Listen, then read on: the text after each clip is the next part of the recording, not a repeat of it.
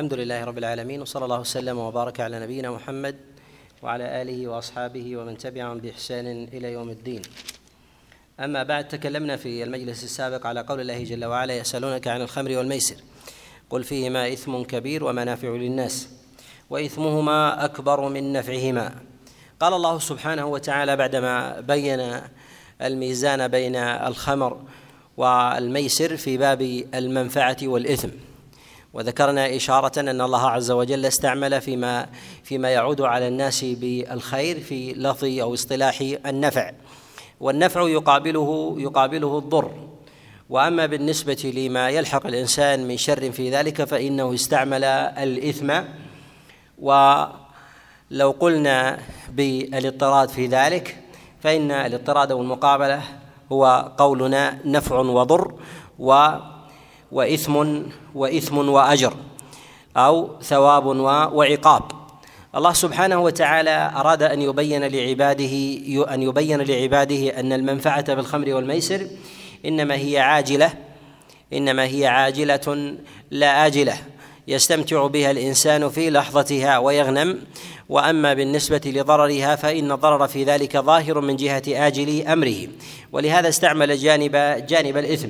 كذلك أيضا من العلل في استعمال لفظة الإثم في هذه الآية أن الإنسان ربما يغيب عنه من علل أحكام الله جل وعلا ما يجب عليه أن يفوض أمره إلى الله أن يفوض الأمر إلى الله. ولهذا أوجب أو أمر أن أن يسلم الإنسان أمر أو علة التحريم لله سبحانه وتعالى وألا يكلها إلى نظره. وهذا أيضا يشير إليه قوله جل وعلا كذلك كذلك يبين الله لكم الآيات لعلكم تتفكرون في الدنيا والآخرة. وأشار إلى مسألة الدنيا والآخرة أي أن العلة متعلقه متعلقة بالأمرين ويأتي الإشارة إلى هذا. ثم ذكر الله عز وجل قوله جل وعلا ويسألونك ماذا ماذا ينفقون؟ قل العفو. بعد أن بين الله سبحانه وتعالى الخمر والميسر وباب الموازنة فيهما من جهة النفع وكذلك الإثم وبين الله عز وجل رجحان الإثم والشر في ذلك. سأل أو بين الله عز وجل حكم ما يسألون عنه وهو ما ينفقون. وسؤالهم عن الإنفاق تقدم معنا في قول الله عز وجل يسألونك ماذا ينفقون؟ قل ما أنفقتم من خير فللوالدين. تقدم الكلام معنا في هذه في هذه الآية. وهذا إما أن يكون هذا سؤالا جديدا من الصحابة لرسول الله صلى الله عليه وسلم ويحتمل أن يكون هذا هو السؤال السابق فأراد الله عز وجل مزيد بيان وربطه بذلك الأمر لعلة. وحكمة. وهذه العلة والحكمة أن الله عز وجل حينما بين أمر الموازنة والنفع في مسألة الخمر والميسر أن أنهم أرادوا أنهم سألوا في غير هذا الموضع عن النفقة. سألوا عن النفقة. والإنفاق في ذلك يكون طلبا لأجر الله سبحانه وتعالى. فأنتم تسألون رغبة لرضا الله عز وجل في وضع في في بيان الخير في موضع في موضع الأموال. فلا يليق بمن سأل ذلك السؤال أن يعترض على رجحان تحريم تحريم الميسر هنا أو رجحان سيئته فينبغي إن كان دافعه في ذلك مرضاة مرضاة الله جل وعلا فينبغي هنا أن يتوقف عند المتشابه على أقل على أقل أحواله. وتقدم معنا الإشارة أن قال الله جل وعلا قل فيهما إثم كبير ومنافع للناس أن هذا ليس من القطع في التحريم ولكنه من قرائنه والعلماء عليهم رحمة الله تعالى قد اختلفوا في ذلك. هل هذه الآية هي من من قطعيات التحريم أم هي من القرائن والإشارات؟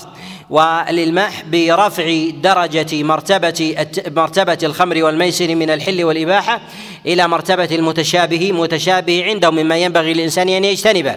وهذا ظاهر في حديث النعمان بن بشير كما في الصحيحين وغيرهما في قول رسول الله صلى الله عليه وسلم الحلال بين والحرام بين وبينهما أمور وبينهما أمور مشتبهات. نقل الشارع ذلك من الحلال المسكوت عن لأن السكوت عن بيان شيء من المأكول والمشروب يدخله في أصل الحل في أصل الحل لأن الأصل في المأكول والمشروب الحل. كذلك أيضا في المعاملات الأصل فيها الحل. فنقلها الله عز وجل من دائرة الحل إلى أن تكون في دائرة دائرة المتشابهات فينفر منها أهل الورع. ينفر منها أهل الورع كما ينفرون كما ينفرون من كما ينفرون من الحرام. فأراد الله عز وجل أن يبين ذلك جواب ذلك السؤال في مسألتهم عن الإنفاق وهو العفو أي ما زاد أو فضل من أموالكم فأنفقوه لله جل وعلا. وهذا فيه إجابة لبعض التساؤل ربما بعض الناس يخطر في باله خاصة في نزول تلك الآية أنهم إنما يقولون إنما نتعامل بالميسر بطيب نفس منا. وهذه العلة قد ترد في أذهان البعض. بطيب نفس بطيب نفس منا. وكذلك أيضا فإننا ننفق ما فضل من أموالنا. ولا ولا نفرط في قوت في قوت أبنائنا وبناتنا وأزواجنا. ومن يجب من أوجب الله عز وجل علينا النفقة. أراد الله عز وجل أن يبين أن ثمة أمر هو أولى أولى من ذلك وهو الإنفاق. إذا كان لديكم فضلة مال فهو الإنفاق في في أوجه أوجه الخير في سبيل الله جل وعلا. وذلك أن قوله سبحانه وتعالى يسألونك ماذا ينفقون قل العفو.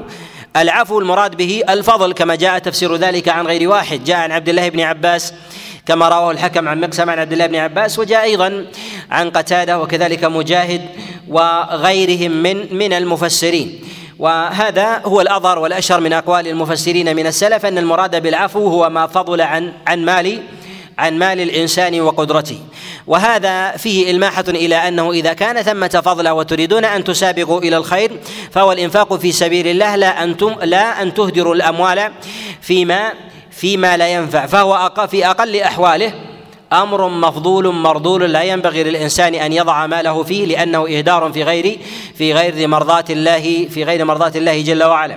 وهذا فيه إشارة أيضا إلى أنه ينبغي للإنسان إذا أغلق على الإنسان بابا أن يفتح له بابا من أعمال البر حتى لا يتحير حتى لا يتحير. كأن يكون الإنسان مثلا يسأل عن مسألة من المسائل في أمور في أمور العمل من التجارة ونحو ذلك فيقال له إن هذا الأمر محرم ثم يشار إلى إلى أمور أخرى أمور الحلال مباحة لأنه ربما الشيطان يضيق على عقل الإنسان المباح ويستحضر في ذهن الإنسان الأمر المحرم أو يسأل الإنسان عن عن وظيفة أو عمل أو نشاط معين أو يعمل مثلا في مجال ربوي أو نحو ذلك فيقال الأمر في ذلك مباح. أن يعمل الإنسان في ذلك في في تجارة أو يعمل مثلا في حرفة من نجارة أو صناعة أو تجارة أو أو أو الضرب بأمور النقدين أو كذلك أيضا ماشية من بهائم الأنعام أو الزرع والحرث. يعرض له أمور المباحات حتى يضيق ما ما ما يوسع الشيطان من ضده من الأمور من الأمور المحرمة.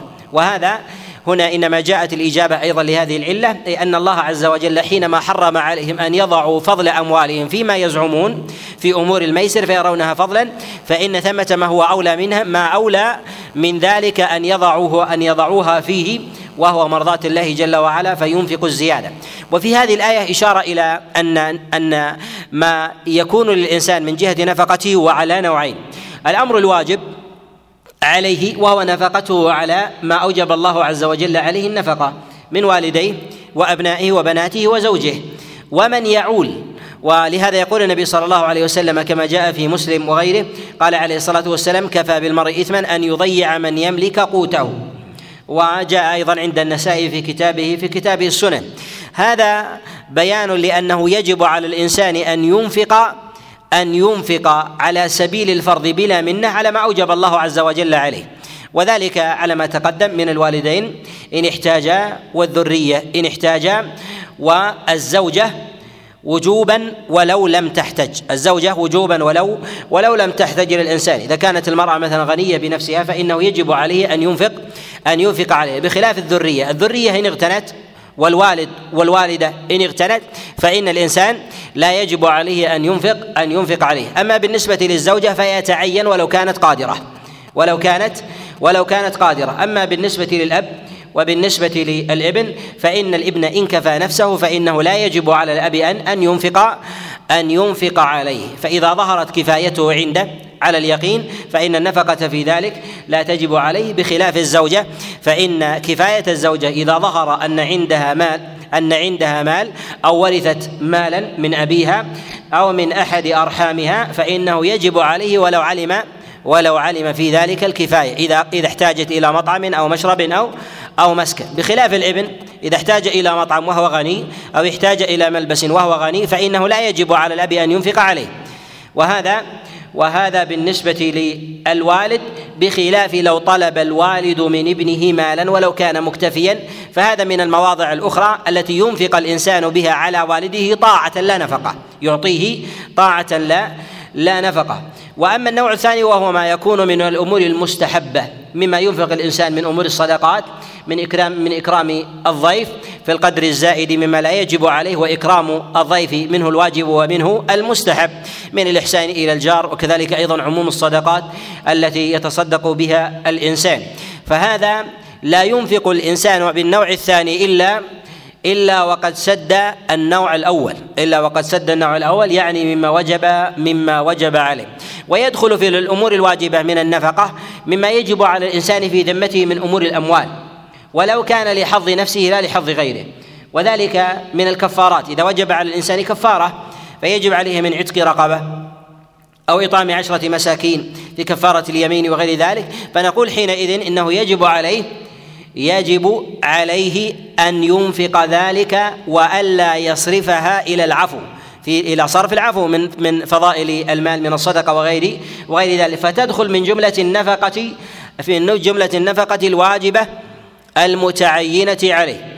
وأما بالنسبة لما زاد عن حاجة الإنسان وما أوجب الله عز وجل عليه فإن الإنسان ينفق ينفق منه. واختلف العلماء في أصل ذلك هل هو واجب أو مستحب؟ بمعنى أن الإنسان أوجب الله عز وجل عليه نفقة فيما زاد فيما زاد عن ماله إذا بلغ نصابا بمقدار جعله الله عز وجل مقدر وذلك من أنصبة الزكاة.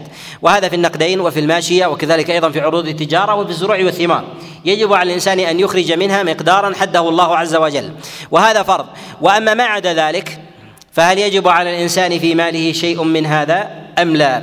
نقول هذا من مواضع الخلاف ويأتي موضعه بإذن الله عز وجل في غير هذا.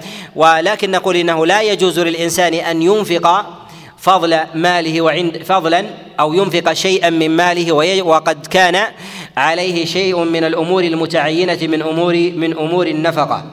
وقول الله جل وعلا هنا كذلك يبين الله لكم الآيات لعلكم تتفكرون. بعد أن ذكر الله عز وجل أمر الموازنة بين الخمر والميسر في مسألة المنافع وكذلك الآثام التي تلحق الإنسان في دينه ودنياه. أشار الله عز وجل إلى أن بيان هذه الأحكام لا يمكن أن تتضح للإنسان إلا بمزيد تفكر بمزيد تفكر والتفكر على نوعين.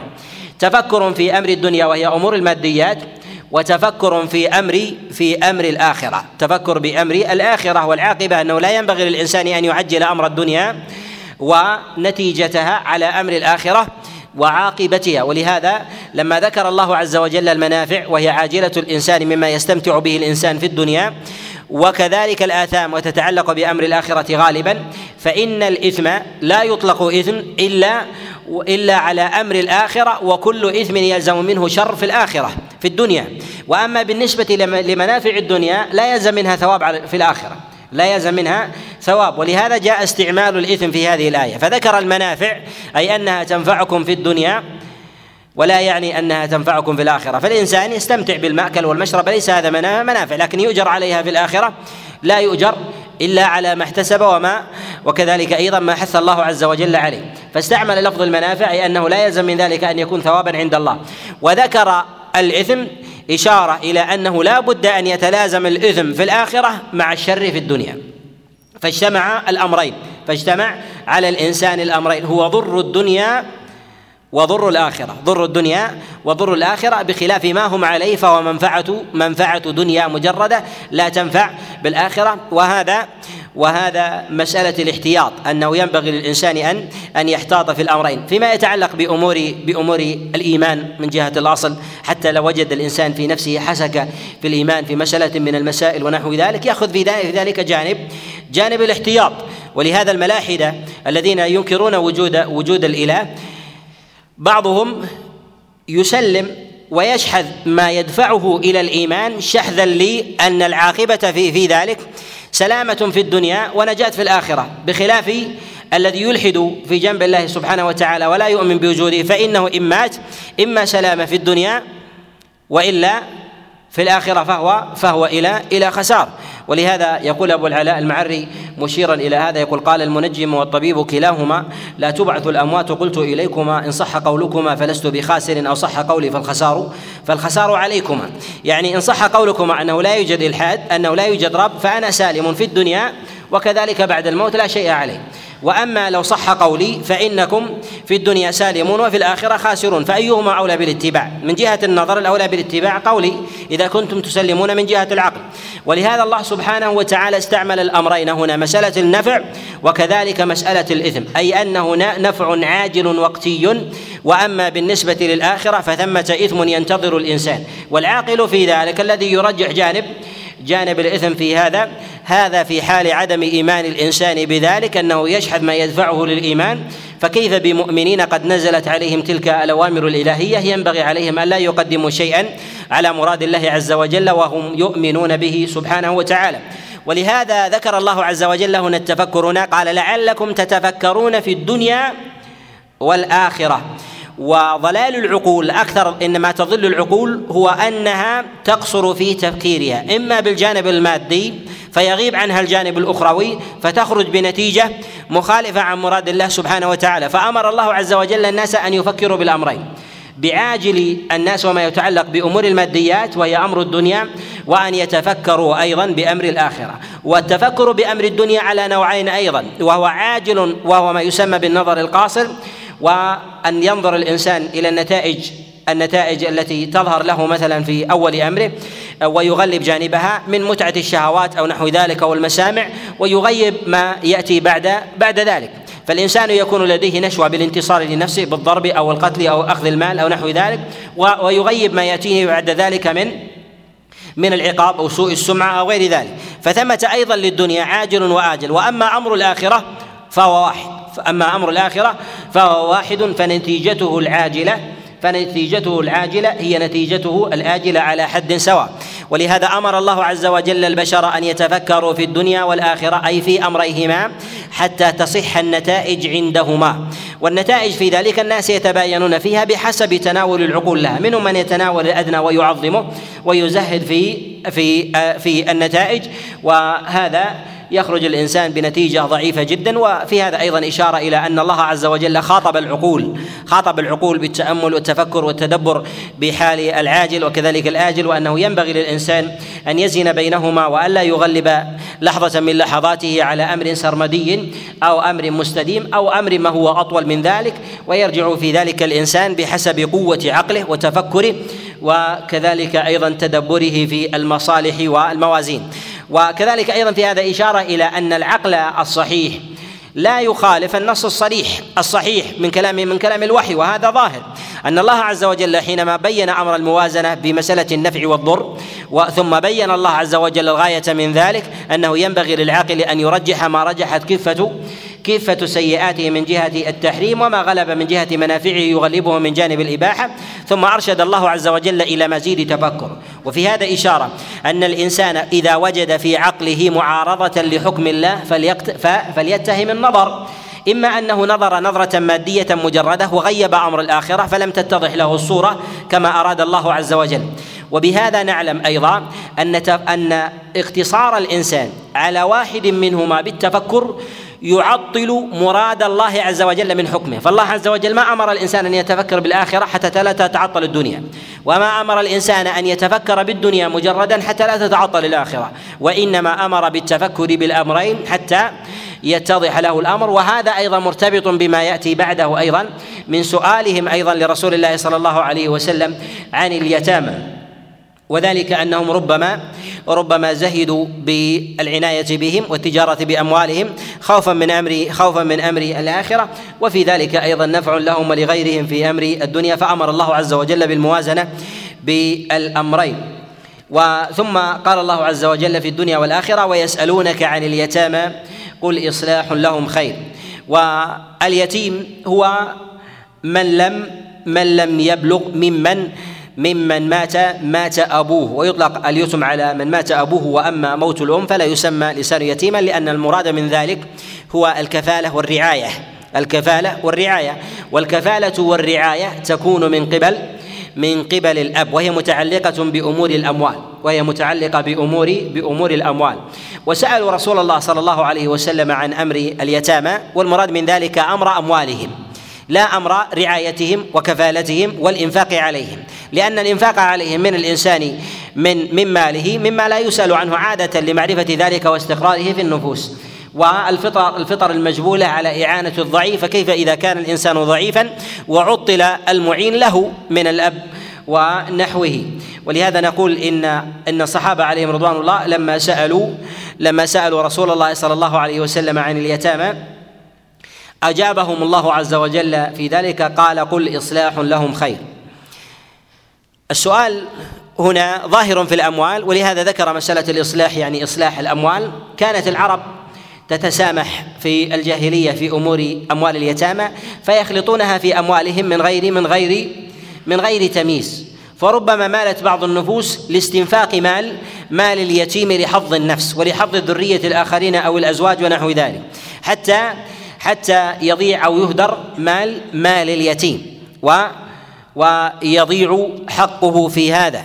وبين الله سبحانه وتعالى في ذلك هذا الأمر أن الله عز وجل رخص للناس أن يتعاملوا بمال اليتيم بما يصلح بما يصلحه. ولهذا قال الله عز وجل قل إصلاح لهم أو لكم إصلاح لهم. يعني أن المنفق ينبغي أن يتعامل بمال اليتيم من جهة التجارة والمضاربة وكذلك أيضا من جهة الخلطة بما يغلب على ظنه أن يكون ذلك لصالحهم لا لصالح الإنسان مجردا وهذا فيه نوع آه، من الموازنة وذلك أن الله سبحانه وتعالى قد شدد في أمر مال اليتيم في غير هذا الموضع كما في سورة الإسراء وغيره ولا تقربوا مال اليتيم إلا بالتي هي أحسن. هذه الآية وغيرها قد هيبت هيبت آه، الصحابة من التعامل بمال اليتيم. كذلك أيضا في آية النساء في آه، آية النساء في قول الله عز وجل في قول الله عز وجل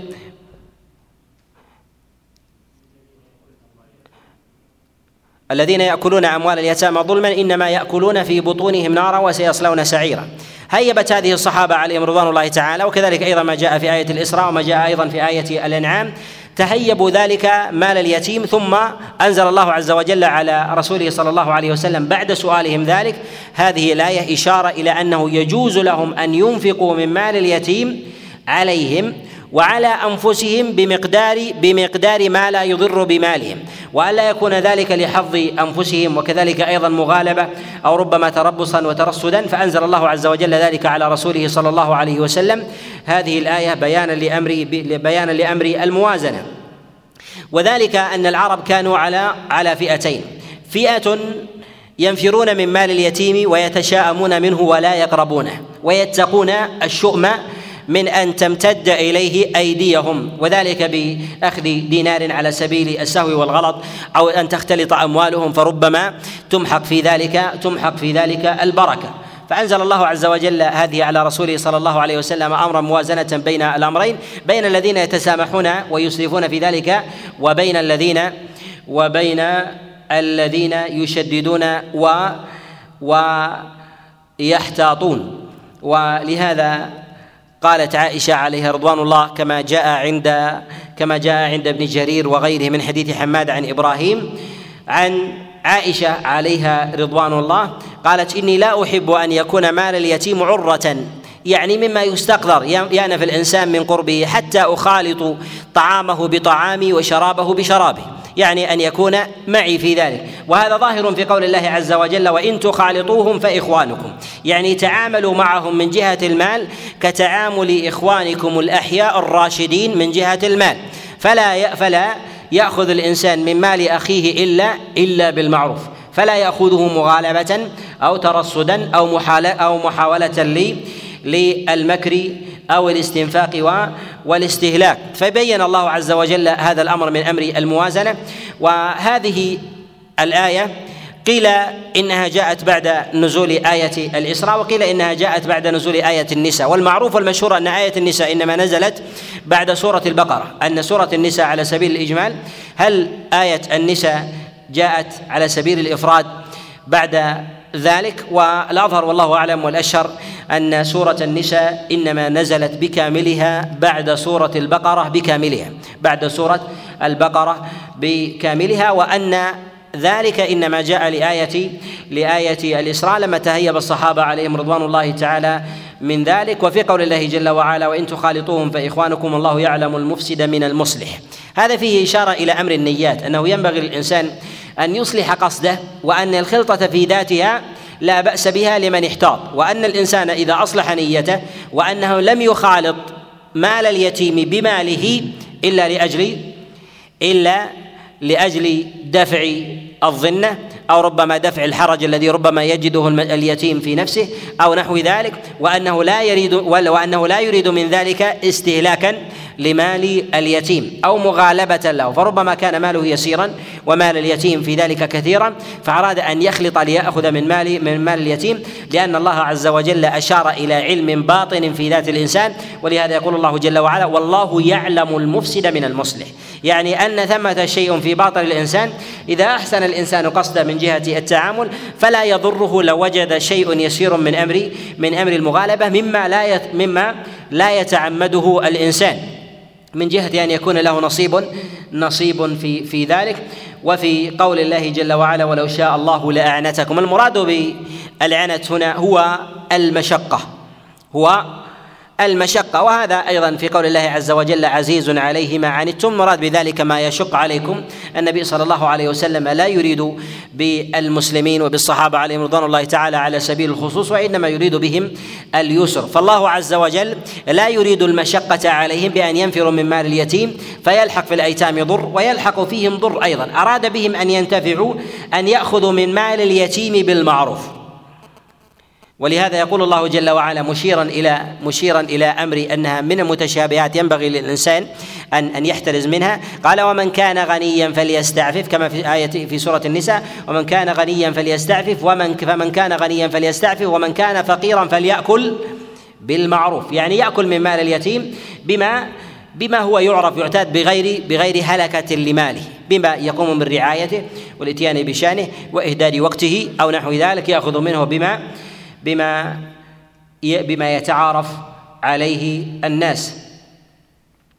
والله عز وجل إنما دفع المشقة حتى يجمع بين القلبين القلب النافر فيأتي به وكذلك أيضا القلب الذي يقوم باستهلاك واستنفاق مال اليتيم والإضرار به فأراد الله عز وجل أن يدفع المشقة عن الأول في ذاته وأراد في الثاني أن يدفع المشقة عن أمر اليتيم. لأنه لو دفع الثاني لا لم يحرص أحد على تناول مال اليتيم وكذلك المتاجر به. فإن غالب أموال العرب هي من الماشية من الإبل والبقر والغنم أو من الزروع من الزروع والحرث.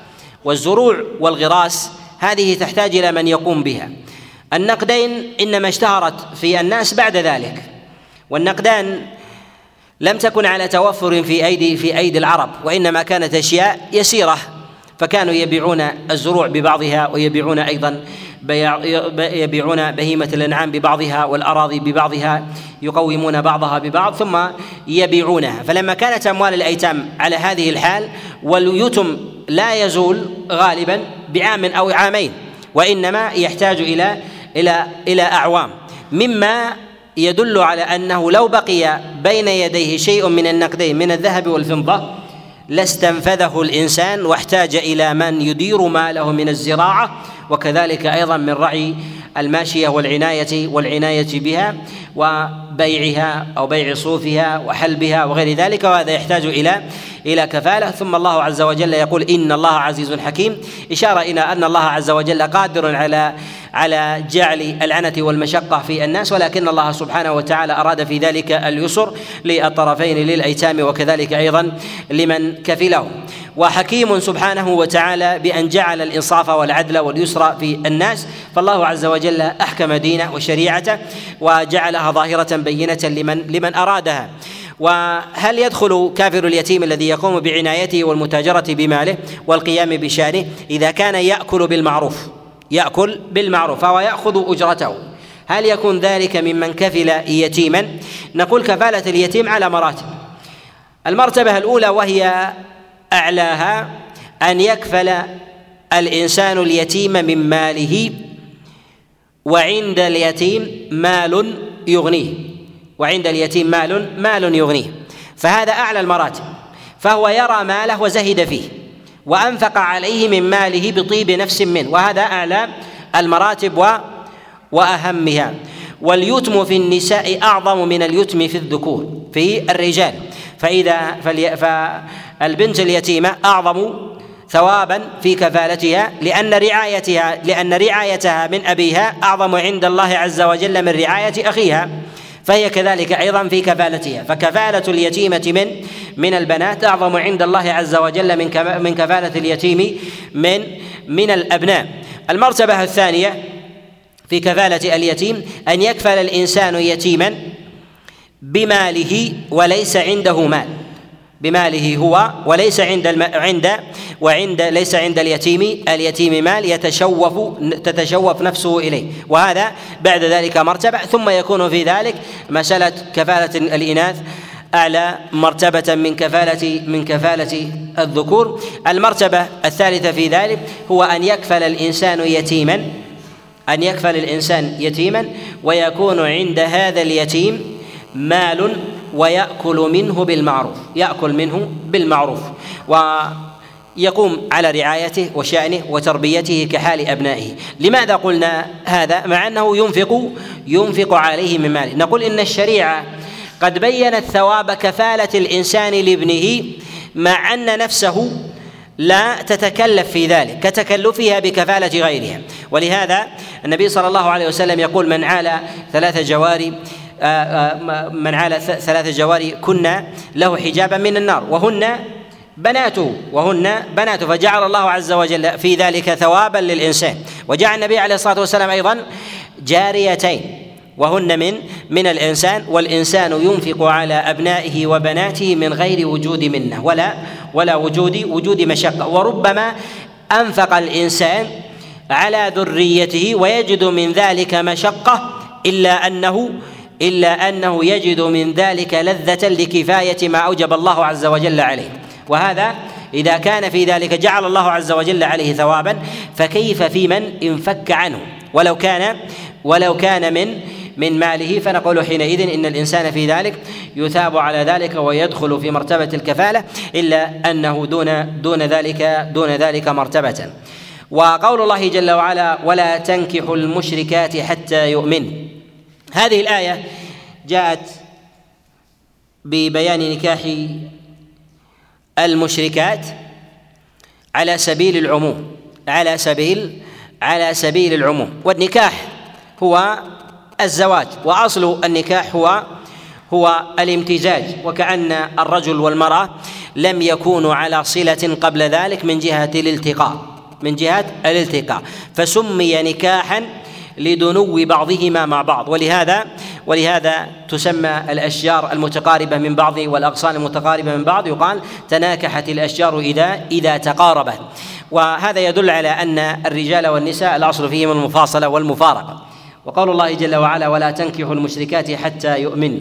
المشركات في ذلك يدخل في هذا أمور الوثنيات ويدخل في هذا أيضا أهل الكتاب ويدخل في هذا من باب أولى الملحدون الذين لا يؤمنون بوجود بوجود خالق الذين لا يؤمنون بوجود بوجود خالق.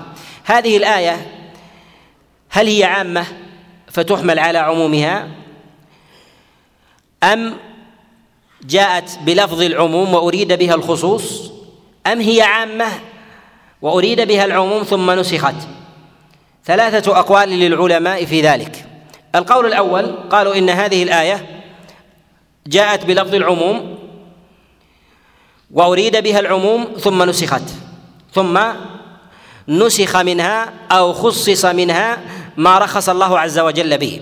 ما رخص الله عز وجل به من نكاح من نكاح المحصنات من أهل الكتاب. وهذا كما جاء في في سورة المائدة ويأتي الكلام عليه بإذن الله. وهذا القول هو الذي ذهب إليه ذهب إليه جمهور المفسرين من السلف من السلف والخلف. أن الله عز وجل أنزل على رسوله صلى الله عليه وسلم هذه الآية مبينا تحريم تحريم نكاح نكاح المشركات بجميع أنواعه. ثم أنزل الله عز وجل على نبيه عليه الصلاة والسلام التخصيص في ذلك. وهل التخصيص في ذلك يدخل في دائرة النسخ على اختلاف اصطلاح العلماء في هذا.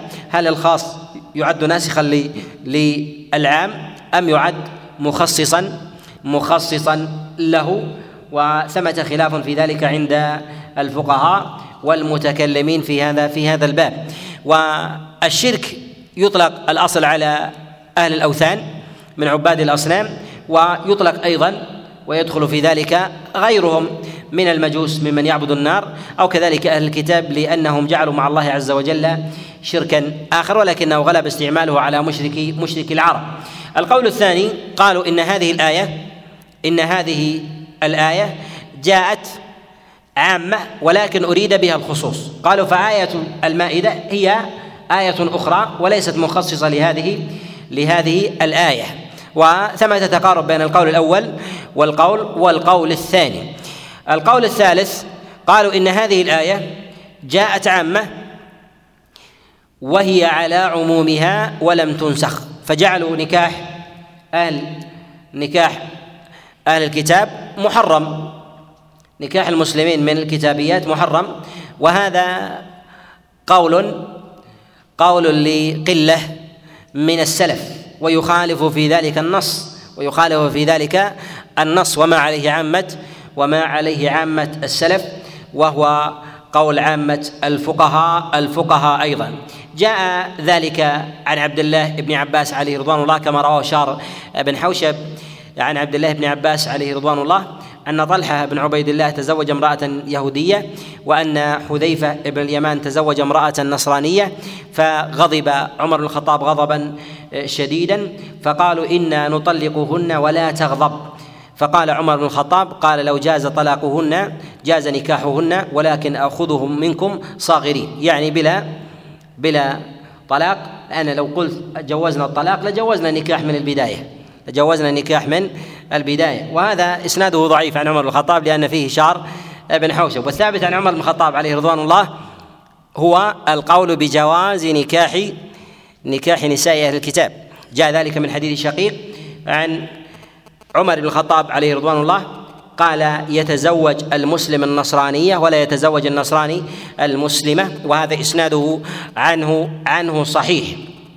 جاء في المصنف وكذلك عند ابن جرير وغيره.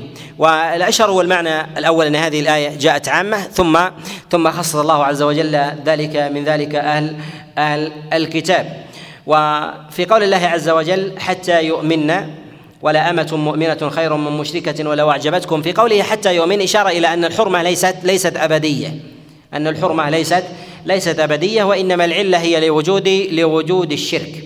وهذا إذا كانت هذه العلة مقيدة بوجود هذا الوصف فإن المسلم إذا نكح إذا نكح مسلمة ثم أشركت فإنه يحرم عليه أن تبقى أن تبقى معه. لأن الأمر أو إن أن النهي هنا علق علق بوصف بوصف الشرك. فإذا وجد هذا الوصف في المرأة سواء كان ابتداء أو كان ذلك بعد النكاح فإن فإن النكاح لا يجوز ويجب عليه أن يفارقها قال ولأمة مؤمنة خير من مشركة ولو أعجبتكم. الأمة هي المملوكة. وأراد الله عز وجل أن يبين أن نكاح الإماء المؤمنات خير من الأحرار المشركات. خير من الأحرار المشركات وأن الأمر يتعلق بحق الله سبحانه وتعالى والعدل معه جل وعلا كما يأتي بيانه بإذنه بإذنه تعالى. وفي قوله جل وعلا ولو أعجبتكم إشارة إلى أنه ينبغي للإنسان أن لا يغلب رغبته على حكم الله جل وعلا. فقد يعجب الإنسان بامرأة لمالها أو لحسبها أو لجمالها أو لحظ من حظوظ الدنيا فإن ذلك ينبغي ألا يقدمه على حكم الله على حكم الله عز وجل. وأن الله جل وعلا قد قضى في ذلك أمرا فيجب على الإنسان أن يسلم. وهذا من الأمور التي يختبر فيها إيمان الإنسان. يختبر فيها إيمان الإنسان فيما يتعلق بالأمور القلبية والميل. والله عز وجل قد أثبت أمر الإعجاب أن الإنسان ربما يعجب بكافر إما يعجب بصنعته أو بحرفته أو أو بأمانته أو بصدقه أو بجماله أو بقوامه أو لماله وثرائه أو ذكائه أو غير ذلك لكن يجب عليه أن يعلم أن الله عز وجل قد جعل هذه المقاييس مقاييس مادية الإيمان بها صحيح. وجودها صحيح ولهذا الله عز وجل بين وجودها في قوله ولو أعجبتكم يعني أنها موجودة أنها موجودة وما أمر الله بنزع ذلك الشيء الذي يجده الإنسان في نفسه لأن نزع ذلك من الأمور المحالة من الأمور المحالة. ان يجد الإنسان مثلا يرى في ذلك الإنسان حذقا في صناعته حذقا في صناعته أو حسنا في قوامه. أو ملكة في ماله هو صاحب ثرى في المال أو نحو ذلك. هذا أمر وجوده قدري وجوده في ذلك قدري.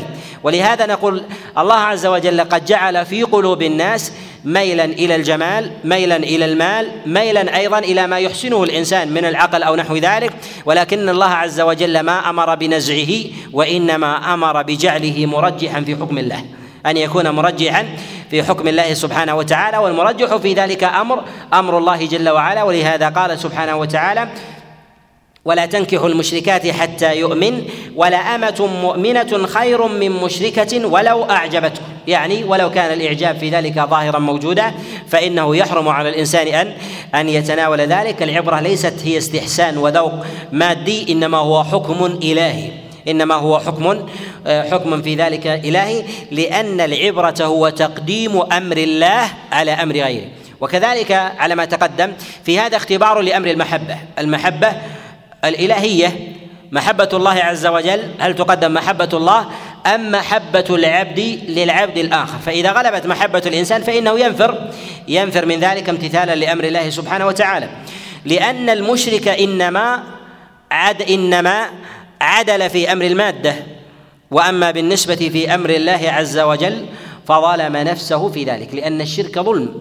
الشرك في هذا في هذا ظلم عظيم. ولهذا يقول الله جل وعلا يا على لسان العبد الصالح قال يا بني لا تشرك بالله إن الشرك لظلم عظيم. وهذا هو الإشراك مع الله عز وجل. سماه الله سبحانه وتعالى ظلما. وكذلك أيضا في قول الله عز وجل الذين آمنوا ولم يلبسوا إيمانهم بظلم يعني بشرك أولئك لهم الأمن وهم مهتدون. الله سبحانه وتعالى بين أن الإشراك معه جل وعلا ظلم. فالذي ظلم مع الله عز وجل ينبغي الا يقدم الا يقدم وإن عدل مع الإنسان.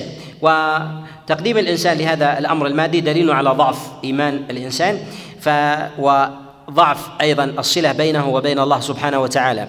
الإنسان إذا عدل معه أحد في تعامله في بيعه وادى له الأمانة وأنصفه من جهة التجارة وكذلك اهدى له وأعطاه ووهبه وأثنى عليه وكساه وأعطاه ولكنه ظلم أباه ولكنه ظلم ظلم ظلم أباه. فقام بالتعدي على أبيك بماله والإساءة إليه وسبه وشتمه فلو أحسن إليك لكرهته. لماذا؟ لقوة الصلة بينك وبين بينك وبين أبيك. لقوة الصلة بينك وبين أبيك لأنها أولى أولى من إنصافه لك. فالإنسان الذي يقول هذا عدل معي وأنصف ولا يلتفت إلى ظلمه مع رب العالمين أمارها على ضعف صلته بمن؟ بالله سبحانه وتعالى. أمارها على ضعف صلته بالله جل جل آه، وعلا. وهذا الإعجاب هو الميل. فطري وليس هو الميل الذي الذي يتكلف الإنسان أثره والميل الذي يغرس في ذات الإنسان من حب الإنسان للحسب والنسب والمال والجمال والعمل وغير ذلك. وفي قول الله سبحانه وتعالى ولا تنكحوا المشركين حتى يؤمنوا هنا غاير في الاستعمال. قال في أول الآية ولا تنكحوا المشركات حتى يؤمن قال ولا تنكحوا الخطاب للرجال هذا فيه دليل على أنه لا نكاح إلا بولي. الخطاب توجه للرجال. الأمر الأول في النكاح توجه للرجال وما وجه الخطاب بعد ذلك للنساء فقال ولا تنكحن المشركين ولا تنكحن المشركين حتى يؤمنوا وإنما وجه الخطاب للرجال في الحالين لأنهم يزوجون أنفسهم ويزوجون أيضا أولياءهم من النساء. فقال الله جل وعلا ولا تنكحوا المشركين حتى ولا تنكحوا المشركين حتى يؤمنوا. هذه الآية كما تقدم فيها إشارة إلى النكاح بولي وهذه المسألة هي آه، على الخلاف المعروف جماهير العلماء جماهير العلماء على ذلك. وهذا أظهر دليل في القرآن على أنه لا نكاح إلا بولي. فالخطاب توجه إلى النساء للرجال ولم يتوجه إلى النساء. ولهذا الله سبحانه وتعالى إذا أراد أن يخاطب في أمر النساء وجه الخطاب للرجال. وأنكحوا الأيام منكم فانكحوهن بإذن أهلهن. إشارة إلى أن النكاح يكون بالولي. وهذه الآيات إشارة أو دليل على دليل على أنه لا نكاح إلا بولي. يذهب إلى هذا يذهب إلى هذا عامة السلف. جاء عن عمر بن الخطاب وعلي بن أبي طالب وعبد الله بن مسعود وذهب إلى هذا عمر بن عبد العزيز وسعيد بن المسيب والحسن وذهب إلى هذا كذلك مالك وأحمد وكذلك الشافعي والليث وسفيان الثوري وكثير أو أكثر العلماء على ذلك. ذهب قلة من السلف وهذا مروي عن الزهري وكذلك عامر الشعبي وجاء عن أبي حنيفة عليه رحمه الله قال أنه للمرأة أن تزوج نفسها بشاهدين للكفر بشاهدين بشاهدين للكفر.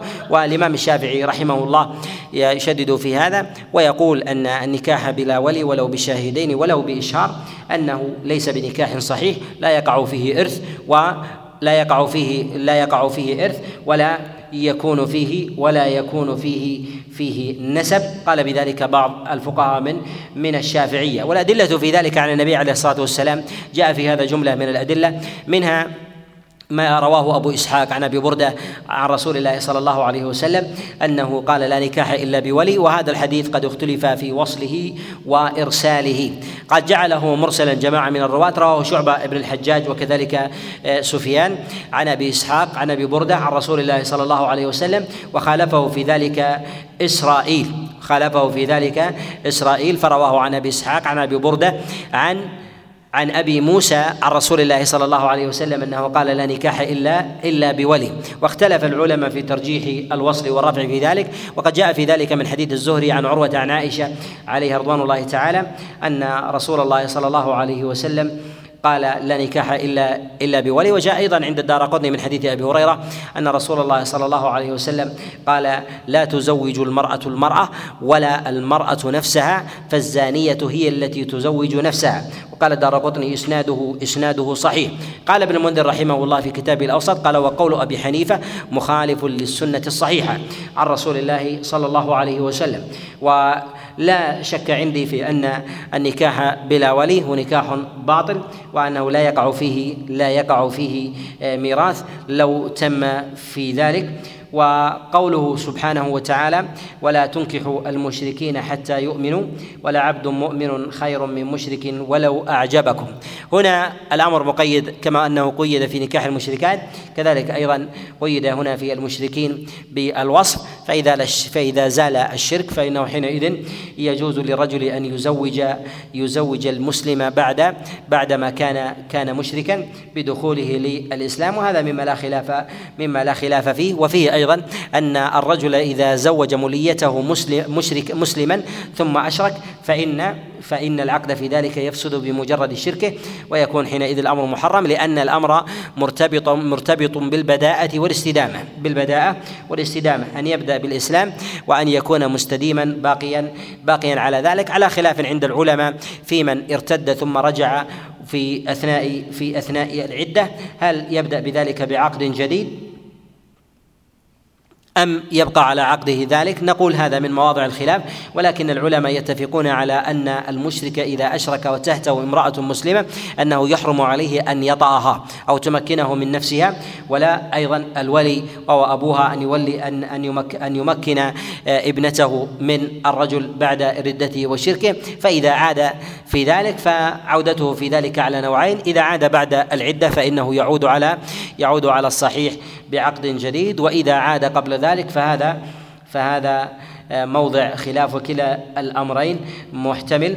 وقول الله جل وعلا ولا عبد مؤمن خير من مشرك يعني أنك تزوج ابنتك عبدا من العبيد ليس من الاحرار خير من أن تزوجها مشرك. وهذا فيه كسر لي لنظرة المادة التي تغلب على الإنسان. ولهذا في قول الله جل وعلا ولو أعجبتكم ولو أعجبكم يعني أنه ربما يعجبك أحد من الناس. لهذا المنظار فالله سبحانه وتعالى أن أن يبين أن مهما زوج الإنسان من من من من ضعفاء الناس وممن يزدريهم الناس بنظره فإن ذلك أحب عند الله عز وجل. فينبغي الإنسان الا ألا يغلب نظرته المادية في هذا. وفي هذا أيضا ينبغي أن نعلم أنه ليس في كل حين يتشوف الإنسان لحكم الشريعة أن يوافق أن يوافق ميله ورغبته بل ينبغي له أن ينظر إلى حكم الله عز وجل مجردا ثم يسلم بما أراد الله سبحانه وتعالى امتثالا لأمره جل جل وعلا. ثم أراد الله سبحانه وتعالى أن يبين العلة في ذلك في قوله جل وعلا أولئك يدعون إلى النار. ذلك أن الكفار إنما يهدون الناس إلى النار. ومعنى ذلك جملة من المعاني وهذا ظاهر في قول الله جل وعلا الله ولي الذين آمنوا يخرجهم من الظلمات إلى النور والذين كفروا وليهم الطاغوت يخرجونهم من النور إلى من النور إلى إلى الظلمات. يعني أن هؤلاء يهدون إلى الظلمات المفضية إلى إلى الخلود إلى الخلود في النار. وهذا في قوله أولئك يدعون إلى إلى النار إشارة إلى أن الكافر ولو كان صامتا فهو يدل الناس إلى إلى النار.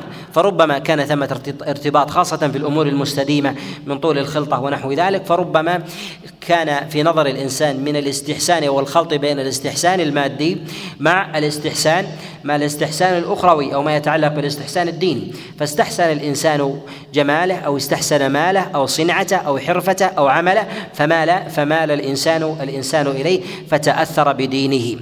وهنا في قول أولئك يدعون يعني في كل حال. إشارة إلى وجود الدعوة بمجرد المخالطة. وجود الدعوة بمجرد المخالطة ولو بامر بأمر يسير. قال أولئك يدعون إلى النار والله يدعو إلى الجنة والمغفرة بإذنه. أي أن الله سبحانه وتعالى أراد حينما بين لكم ذلك الحكم الشرعي ونهاكم عن نكاح المشركات وعن إنكاح المشركين الله سبحانه وتعالى يريد بكم الخير ويريد بكم أيضا العاقبة وهذا نوع تهديد. وهذا نوع تهديد أي أن الله سبحانه وتعالى يرشدكم إلى الرحمة وإلى مرضاته والله جل وعلا يدعوكم إلى الجنة والمغفرة بإذنه بامتثال أمره أي أنكم إن خالفتم أمر الله سبحانه وتعالى فالله عز وجل يتواعدكم بالنار وعدم الغفران لذلك الذنب لو شاء الله عز وجل ويبين آياته للناس لعلهم يتذكرون. هذا فيه إشارة كما تقدم بأن الله عز وجل قد بين الآيات للناس لعلهم يتفكرون في أمر الترجيح في الموازنة. كذلك أيضا أن الإنسان الحائل بينه وبين معرفة النتائج هو أن يتذكر الحقيقة وأن يتأمل وأن يستبصر.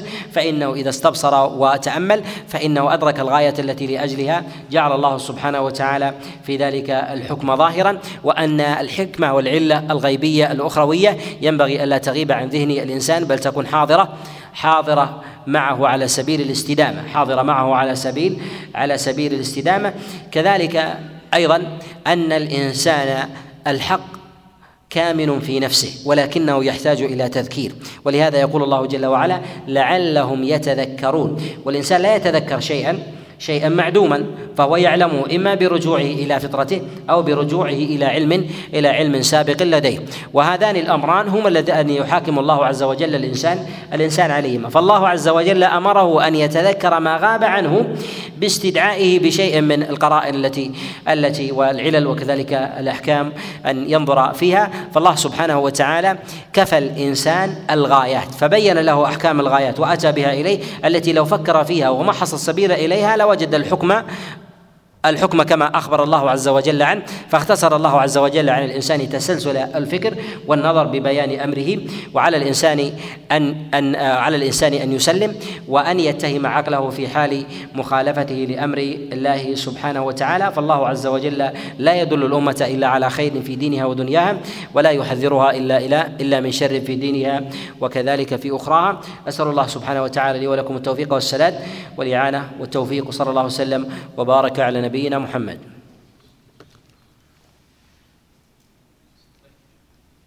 نعم. لا يصح. نعم.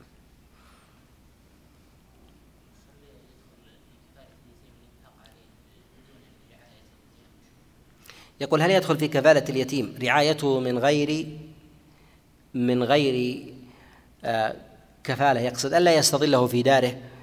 ينفق عليه بماله ونحو ذلك المؤسسات. نقول إذا كان المال يقوم بهذا ألا يكون شركا مع غيره. ألا يكون شركا مع غيره. فإن هذا كفالة. الإنسان ربما يكفل مثلا يتيما أو يتيمين أو ثلاثة أو نحو ذلك ولا يباشرهم بنفسه. فتباشرهم زوجته أو يباشرهم بنته أو ابنه أو نحو ذلك بالرعاية. فلا يلزم أن يباشر الأمر من جهة الطعام والمشرب والملبس والملكة هو هو هو بنفسه. ولكن المراد بذلك الكفاية. المراد بهذا أن يقوم بكفايتهم فيسد حاجتهم في أمثال هذه هذه الأمور. فنقول إذا كان ماله وما ينفقه في ذلك فإنه يدخل في باب الكفالة. أما الشرك في ذلك كما تفعله بعض المؤسسات الخيرية تجعل اسهم مثلا 100 ريال في الشهر أو تجعل مثلا 50 أو 10 أو نحو ذلك بحسب الأسهم في مسائل الكفالة. نقول هذا شرك في في كفالة. شرك كفالة كالشرك في اعتاق الرقبة. فنحو ذلك. لا يؤتى الإنسان أجر رقبة كاملة وإنما يكون شرك في هذا. نعم.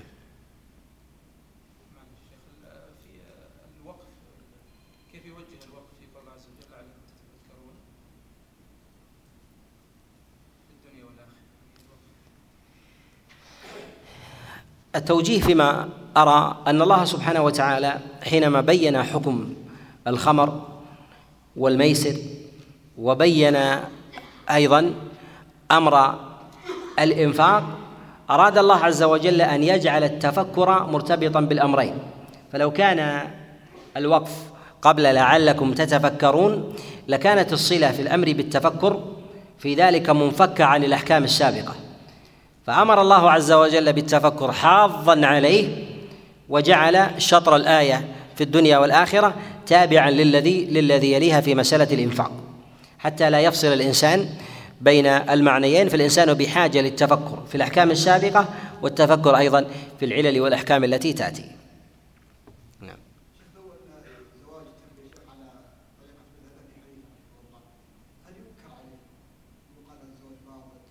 باطل. نعم. باطل. يقول من تزوج بلا, بلا ولي بشاهدين ماذا يفعل؟ نقول يعقد من جديد. إذا قلنا أنه ليس بزواج يقول يعقد يعقد من جديد. نعم. نعم. يقول لو أفتي في هذا. نقول من خالف السنة الصريحة الصحيحة عن النبي عليه الصلاة والسلام والحكم الشرعي خاصة فيما يتعلق بالأبضاع يجب أن يرجع إلى السنة. وأما في مسائل النصوص المحتملة فيمكن أن يقال في ذلك أنا لا أعلم أحد من الصحابة من قال من قال بقول أبي حنيفة. يستمسك بما جاء عن عائشة عليه رضوان الله فيما يرويه عبد الرحمن بن محمد عن أبيه عن عائشة. ولكن فعل عائشة عليه رضوان الله أنها هيأت أمر النكاح ووعدت ولم تعقد. فإنما نسب إليها العقد في زواج في زواج ابنة أخيها. في ذلك نسب إليها تشريفا أنها هي التي قامت على رعايته. وهي فالإنسان مثل المرأة أو نحو ذلك تزوج بنتها تزوج بنتها رجلا من الناس ويقوم على عقد النكاح ابن هذه المرأة.